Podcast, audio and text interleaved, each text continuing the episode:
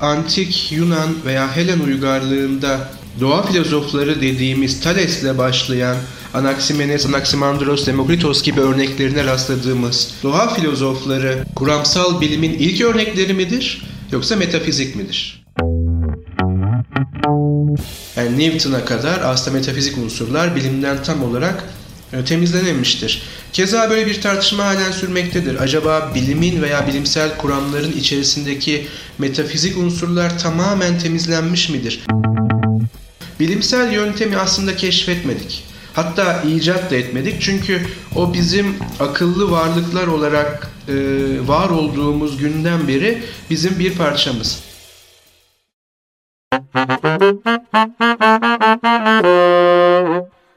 Hayatın denklemleriyle bilimin teorisi. Gayri safi fikirler.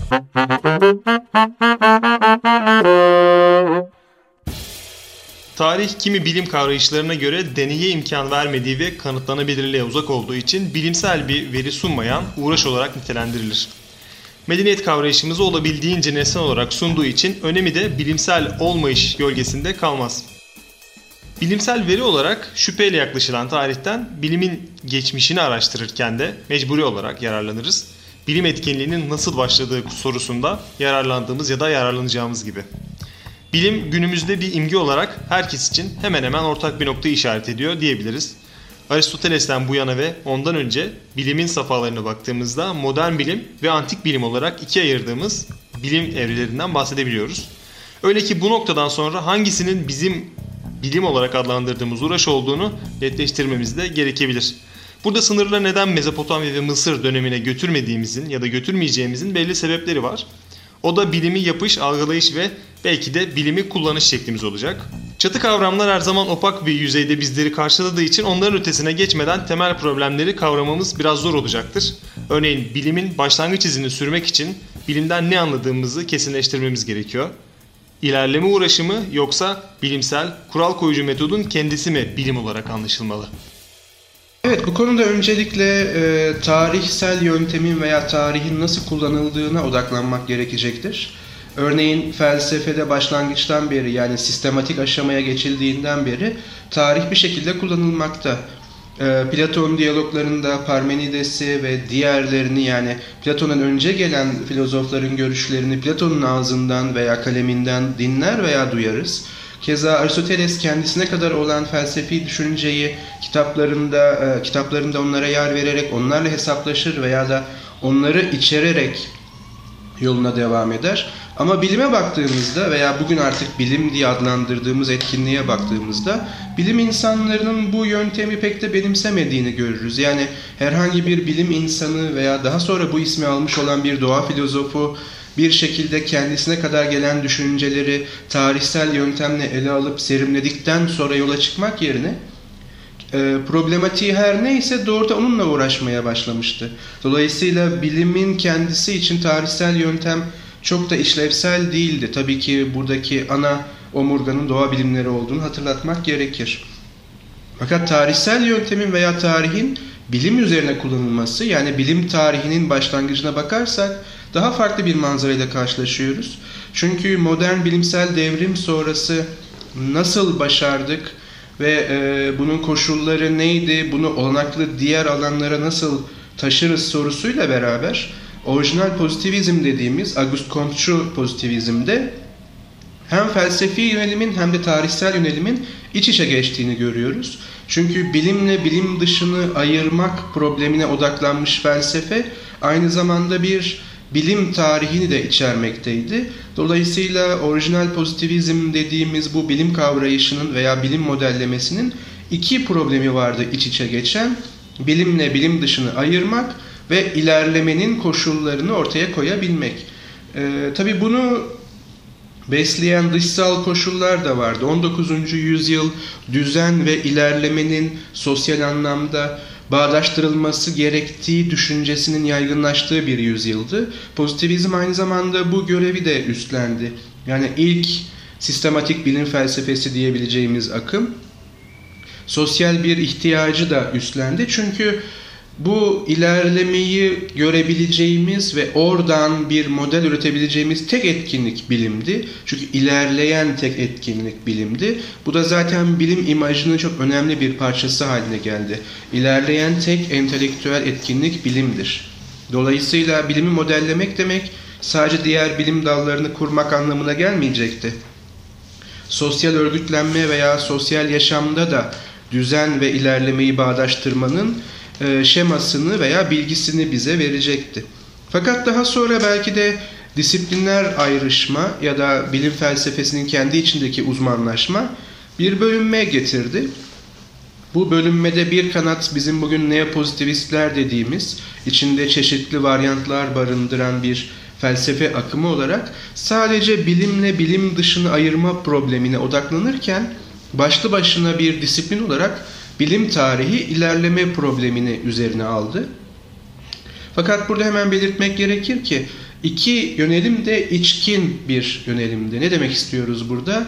Yani bilimle bilim dışını ayırmak isteyen neopozitivistler herhangi bir tarihsel yönelim kullanmadan, tarihi işin içine karıştırmadan burada ve şimdi karşılarında olan bir bilim e, iddiasını veya bir teoriyi veya bir söylemi çözümleyerek onun bu dünyaya ait bir bilgi üretip üretmediğini ortaya çıkarmaya çalışıyordu. Eğer bu dünyaya ait bir e, söylemde bulunmuyorsa metafizikti en uç anlamıyla anlamsız veya saçmaydı. Oysa buna karşı tarih bilimi tarihiyle beraber yani bir kuramlar dizisi, çalışmalar dizisi olarak ele almaktaydı. Böylece e, geçişleri ve eksik halkaları tamamlayarak bir şekilde ilerlemenin modelini ortaya koymaya çalışıyordu. Ama en azından pozitivizm açısından bu ilerleme tamamen bilim sınırları içerisindeydi. Yani bilime etki etmiş olabilecek veya etki eden herhangi bir dışsal koşulu hesaba katmadan ele alıp sadece bilimsel çalışmaların tarihi diyebileceğimiz genel bir bilim tarihi ortaya koymaya çalışıyorlardı. Tabi burada şöyle bir e, handikap da vardı. Tarih sonuçta evet henüz bilim olmamıştı ama 19. yüzyıl itibariyle sosyal bilimler çerçevesi içerisinde doğa bilimlerine mümkün olduğunca öykünerek en azından kurumsal olarak bilim olmaya çalışan bir disiplindi ve bilim tarihi bir bilimin bilimi çalışmasına dönüşmek durumundaydı. Özellikle e, disiplinin kurucusu George Sartre'ın hedefi buydu. Yani bilimin bilimini yapmak. Bilimin bilimini yapmak felsefecilerden hatta bir adım öne geçmekti. Yani mantıkçı empiristlerden yani neopozitivistlerden farklı olarak bilimi konu edinirken bilimsel yöntemin kendisini kullanmak yani bilimselleşen bir tarihsel yöntem geliştirebilmekti. Hatta George Sartre'ın şöyle bir iddiası daha vardı. Genel tarih yazımından daha da bilimseldir bilim tarihi. Çünkü konusu itibariyle çok nesnel ve somuttur. Ve ilerleme e, belki de görebileceğimiz en somut insani yani beşeri vakadır. Dolayısıyla bilim tarihi çok özel bir disiplin haline gelecekti. Ancak bu biraz önce bahsettiğim bölünme yani felsefe ve tarih bölünmesi beraberinde bir şey daha getirdi. Bilim tarihi bir anlamda e, içinde barındırdığı bilim modellemesinin üstünü örttü. Yani ne demek istiyoruz? Eğer bilimle bilim dışını e, bir şekilde ayırt edemiyorsanız neyin tarihini yazacaksınız? Dolayısıyla daha yolun başındayken bilimin ne olduğuna dair elinizde embriyonik bir tanım olması gerekir. Eğer bu tanım yoksa geçmişe baktığınızda özellikle uzak geçmişe baktığınızda örneğin Mezopotamya ve Mısır ya da Hint ve Çin uygarlıklarının çalışmalarına baktığınızda neyi bilim olarak tanımlayacaksınız? Ee, mesela şu soru bilim tarihi açısından çeşitli ekolleri arasında tartışılan bir sorudur. Antik Yunan veya Helen uygarlığında doğa filozofları dediğimiz Thales'le başlayan Anaximenes, Anaximandros, Demokritos gibi örneklerine rastladığımız doğa filozofları kuramsal bilimin ilk örnekleri midir yoksa metafizik midir? Yani bilimi nereden başlatacağız sorusunun kendisi bile bilimin bir tanımını gerektirir. Bilimin tanımı dediğimiz şey zaten diğer kanadın yani felsefe kanadının bilim ve bilim dışını ayırt etmek için peşinde koştuğu sınırlandırma ayrıcı probleminin çözümlerinden birini sahiplenmeyi gerektirir. Dolayısıyla bilim tarihi bu çözümlerden birini üretmeden ya da üretilmiş bir çözümü sahiplenmeden yola çıkamayacaktır. Bu durumda da bilim tarihinin önünde ikili bir problematik vardır. Öncelikle bilim nedir sorusunun cevabını üretmeli veya ithal etmeli felsefeden. Daha sonra ilerlemeyi tanımlamalı. Daha sonra da ilerlemeyi empirik olarak tespit etmelidir. Peki tarih disiplini veya tarihsel yöntem nasıl empirik bir test yapacak veya tespitte bulunacaktır? Ee, buna bilim tarihsel olgular diyebiliriz. Yani elimizdeki tüm kayıtlı veriler aslında birer tarihsel olgudur. Bu tarihsel olguların aynı diğer bilimlerde olduğu gibi bir metotla ele alınması gerekir. Yani rastgele veya yorumlayarak değil. Ee, bu metoda içkin olan şey de bilimin ne olduğu sorusuna verilen yanıttır. Eğer bilimin ne olduğu sorusuna verilen yanıt elde ise eldeki bu empirik verilerde hangilerinin bilimsel çalışmanın örnekleri olduğu, hangilerinin bu çalışmalar açısından embriyonik örnekler olarak kabul edilebileceği kararı verildikten sonra veya bu tespit edildikten sonra daha sonra bunun bir şekilde zincirinin kurulması gerekir. Yani ilk çalışmalardan, bilimsel olarak kabul edeceğimiz ilk çalışmalardan bugünkü en üst düzey örneğin teorik fizik alanındaki kuramlara kadar olan tarihsel zincirin halkalarını kurmak gerekir. Tabi bu anlatımımda e, içkin olan şey bu pozitivist bir yönelim olduğu e, açıktır. Çünkü ilerlemeyi kesintisiz bir süreç olarak görür. Oysa 1960'lı yıllarda ki öncesinde de benzer çalışmalar elbette vardı ama e, Thomas Kuhn'un çalışmasıyla beraber ilerlemenin belki de devrimsel olabileceği öne sürüldü. Bu ne anlama gelmekteydi? Yani başlangıçtan bugüne diyebileceğimiz kesintisiz bir ilerleme zinciri yoktur. İlerleme içkin e, modeller içerisinde gelişir. Bu model sona geldiği anda ki Thomas Kuhn buna paradigma adını vermişti. Geldiği anda bir krize girer. Artık söz konusu olan yeni bir paradigmadır. Yani devrimsel bir değişimdir. Dolayısıyla devamlılığı olan bir zincirden bahsedemeyiz. Büyük yapılar arasındaki değişimlerden bahsedebiliriz. E bunu yaptığımız zaman da terminolojimiz veya kullandığımız dil de değişecektir. Artık önümüzde çeşitli dönemlerin bilimleri olacaktır. Yani artık bir bilimler tarihi yapılacaktır. Ama tabii burada bir problemimiz var eğer böyle bakacaksak. Bilimler tarihini yazacak paradigmatik bir bilim tarihinin kendisi ne olacak?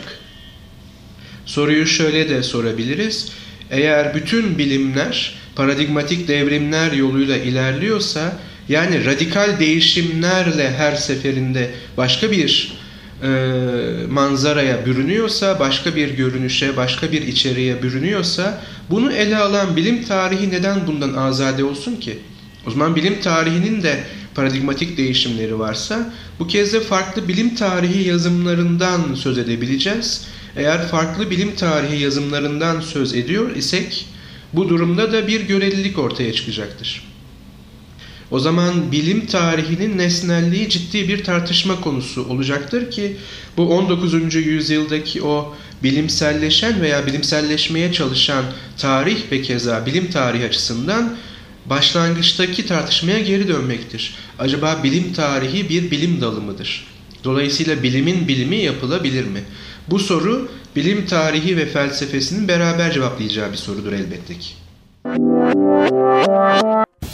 Bilim nedir sorusunun dışında antik bilim ve modern bilimi ayırırken aslında iki farklı yaklaşım var. Bir yaklaşım der ki Mısır ve Mezopotamya döneminde yapılan bilimsel etkinlik her ne kadar ilerlemeyi desteklese de o zaman yaşanılan büyü gibi kanıtlanamayacak olgular ya da metafizik olguların dışına çıkamamıştır. Bu yüzden de o dönemi modern bilimden, modern bilimler arasında sınır koyarak inceleyebiliriz.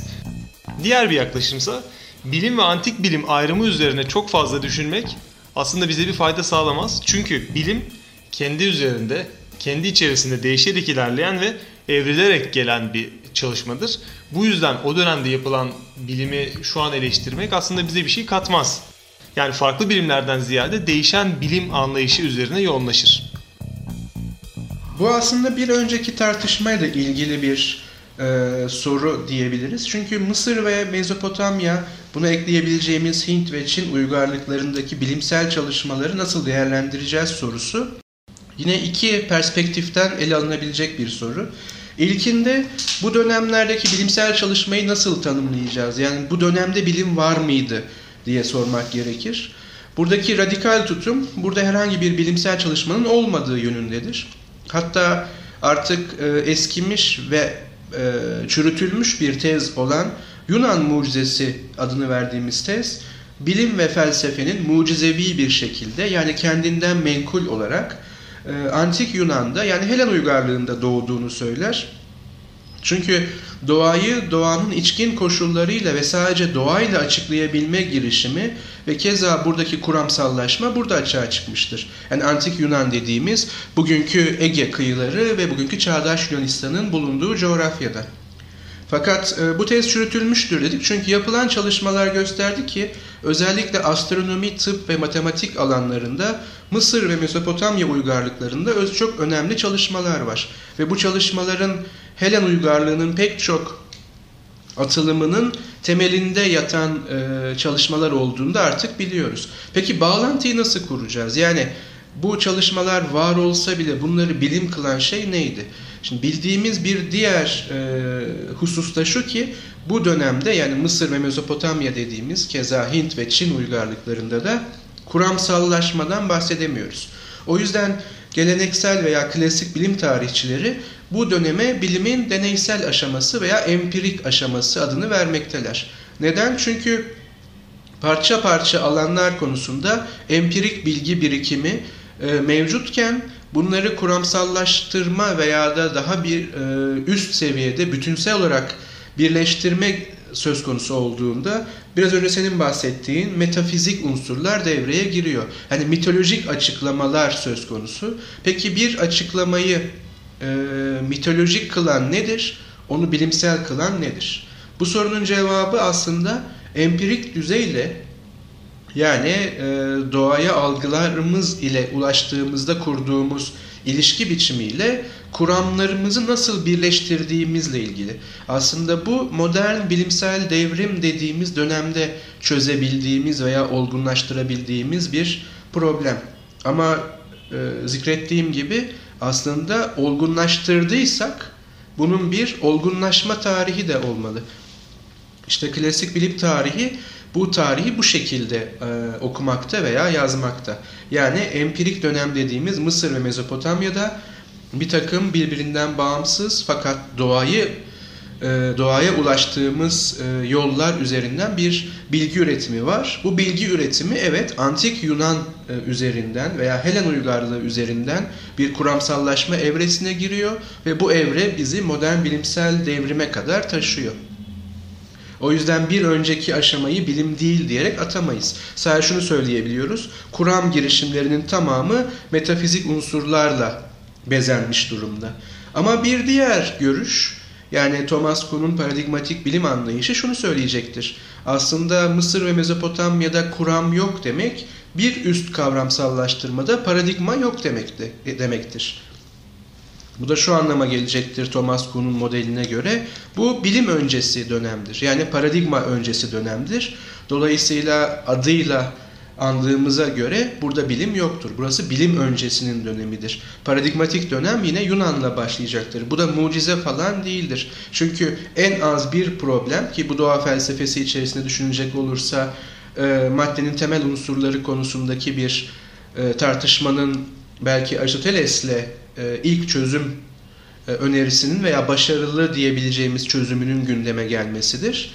E, en az bir problemin çözülmesi veya çözüldüğü yönünde bir kanının uyanması durumudur. Yani daha öncesinde herhangi bir bilimsel çalışma yoktur. Farklı okullar, farklı yaklaşımlar, farklı yorumlar vardır. Mitolojik yorumlar da buna dahildir. Ama bilimselleşme yani paradigmatik hale geliş Aristoteles'te başlatabileceğimiz antik Yunan'a aittir ve ondan sonra artık paradigmatik değişikliklerin tarihi başlamıştır ve bu da bilim tarihidir diyebiliriz. Ama diğer görüş Bu anlamda biraz daha ayakları yere basıyor diyebileceğimiz klasik görüştür. Yani e, her geçen gün daha çok şey bilinen bir dönemdi. Çünkü antik uygarlıklar dediğimiz dönem en az 10 bin yıllık bir süreci kapsıyor. Ve bu dönemde e, çözülen problemler, pratik problemler bilimsel yöntemi biraz el yordamıyla da olsa yani çok bilinçli bir biçimde olmasa bile parça parça uygulayabilen insanlardan söz ettiğimiz anlamına geliyor. Bunun bir birikimi sonucunda kuramsallaşma evresi için yani doğayı doğayla açıklayabilen bir kuramsallaşma içinde evet antik Yunan'ı yani Helen uygarlığını beklemek gerekmiştir.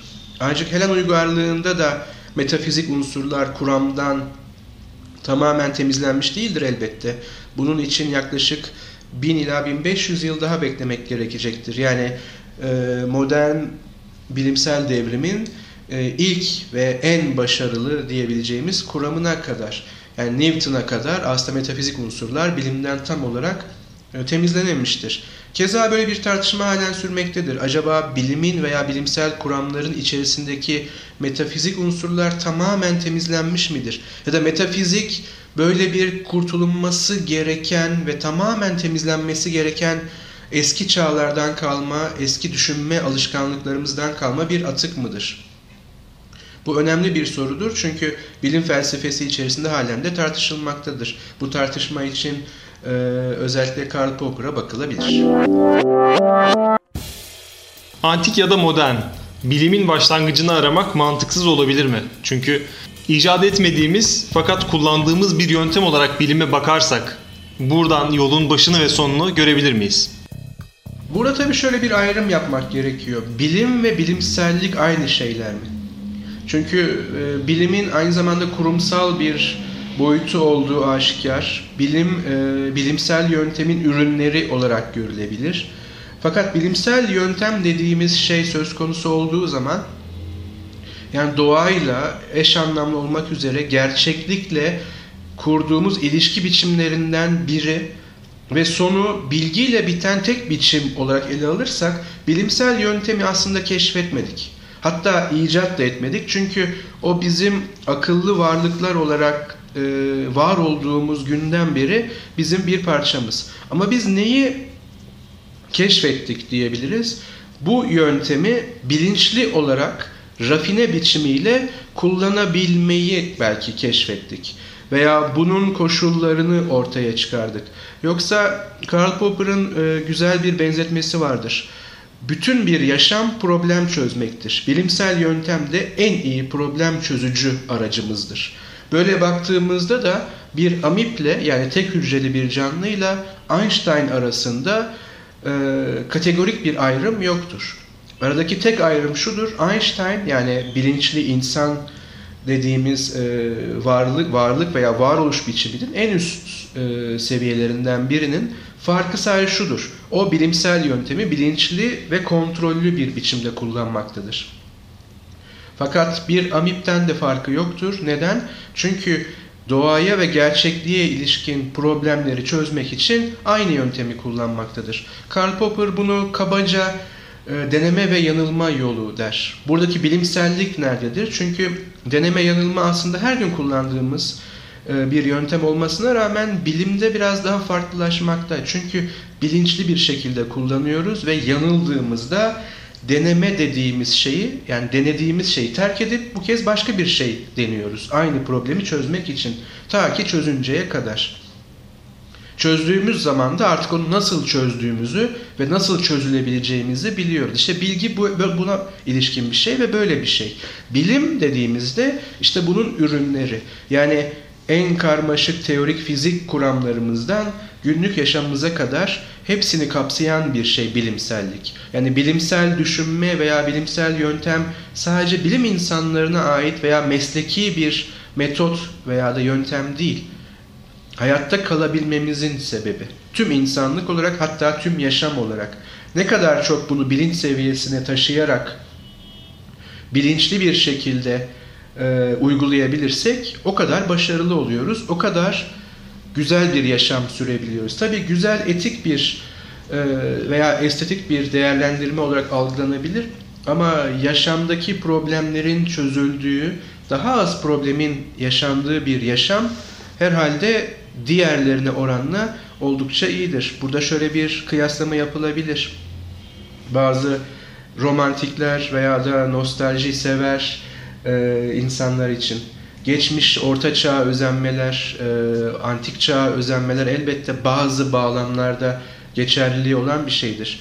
Ama orta çağda e, 20 milyona yakın insanın vebadan öldüğünü, bugün çözebildiğimiz pek çok hastalığın milyonları kırdığını veya bugün e, bilim olarak adlandırılan veya bizim için yararlı olarak gördüğümüz etkinliklerde bulunan insanların sırf bu etkinliklerde bulunduğu veya bunları düşündüğü için yakıldığı yüzyıllar veya çağlar olduğunu unutmayalım. O yüzden daha az problem demek daha çok problemin çözülmesi anlamına geliyor. Ve elimizdeki en iyi araç halen ve tarihin gösterdiği üzere bilimsel yöntem. Biz onu ne kadar çok kullanırsak o kadar daha iyi bir yere doğru gidiyoruz. İşte ilerlemeyi de belki buradan görmemiz gerekiyor. Yani gitgide daha çok şey bilmek ne anlama gelir dersek bu sadece teknoloji üretmek anlamına elbette gelmiyor. Veya spekülatif bilgilerin birikmesi anlamına gelmiyor. Somut olarak doğaya ilişkin problemlerin çözülmesi anlamına geliyor. Bu anlamda bir başlangıç aranacak olursa bizim aradığımız bilim tarihçileri olarak bilimsel yöntemin bilinçli veya somut olarak kullanıldığı tarihin izini sürmek. Çünkü bunun da bir tarihi var. Ve bu tarihi açığa çıkarmak. Peki bunu neden peşinden gidiyoruz dersek, bunu bu hangi problemimizi çözecek? Madem ki bilim problem çözme üzerine kurulu, en geniş anlamıyla bilim tarihi nasıl bir problem çözüyor? Keza bilim felsefesi veya bilim teorisi nasıl veya hangi problemleri çözüyor diye bakacak olursak iki temel problemi çözmekte. Birincisi ilerleme problemi. Yani bilim nasıl bir yol kat etti? Bilimsel yöntemi kullanma biçimimiz nasıl bir yol kat etti tarih boyunca? Bu sorunun peşinde. E bunu bilirsek nasıl bir bugünün problemini çözeceğiz? Yine Karl Popper'a bir gönderme yapacak olursam, bilimsel ilerleme dahil olmak üzere hiçbir insanlık kazanımı garanti altında değildir. Çünkü tarih bize göstermiştir ki bazen çok parlak dönemlerin ardından birdenbire karanlık dönemler gelebilmekte. Yani bilimsel ilerleme seviyemiz dahil olmak üzere korunmadığı sürece hiçbir kurum veya kurumsal noktaya güvenmemek durumundayız. Onu koruduğumuz sürece var olacaktır. Peki nasıl koruyacağız? Yani bilimsel ilerlemeyi nasıl garanti altına alacağız veya nasıl sürdürülebilir kılacağız? Bu aynı zamanda dikkat edeceğiniz üzere bilim politikalarının da konusu. Peki bunun bilgisini nasıl sağlayacağız? İşte bilim tarihi bu problemle uğraşıyor. Keza ona entegre olmuş veya onunla yan yana giden bilim teorisi de bu problemle uğraşıyor. Hem tarihsel verilere yani daha önce ne olmuştu sorusunun peşine giderek hem de bilimle bilim olmayan ayrımı üzerine giderek e, nasıl daha ileriye gidebiliriz? Yani nasıl daha çok problem çözebiliriz ve nasıl daha karanlık çağlara tekrar düşmekten korunabiliriz sorusunun peşindeyiz. İşte bu yüzden Mısır ve Mezopotamya bize yabancı değil. Bu yüzden Mısır ve Mezopotamya ve sonraki uygarlıklar ve dönemlerdeki bilimsel çalışmalar sadece bir yan çalışma veya da bir hobi veya birer meslek tarihi değil. Bugünün çok ciddi problemlerini aydınlatabilmek ve keza çözebilmek için bakmamız gereken yerler. Çok bilinen bir söz vardır. İnsani olan hiçbir şey bana yabancı değildir diye. Bilim açısından da bilim tarihsel olan hiçbir şey bugünün bilimine yabancı değildir. Bilim tarihsel anlamda ortaya çıkardığımız hiçbir problem bugünün somut problemlerinden bağımsız, geride kalmış, çözülmüş ve bir daha karşımıza çıkmayacak problemler değildir. O yüzden her iki disiplin hem beraberliğinde hem de ayrı ayrı geçmişin problemlerini açığa çıkarırken aslında bugünün problemlerini çözmektedir.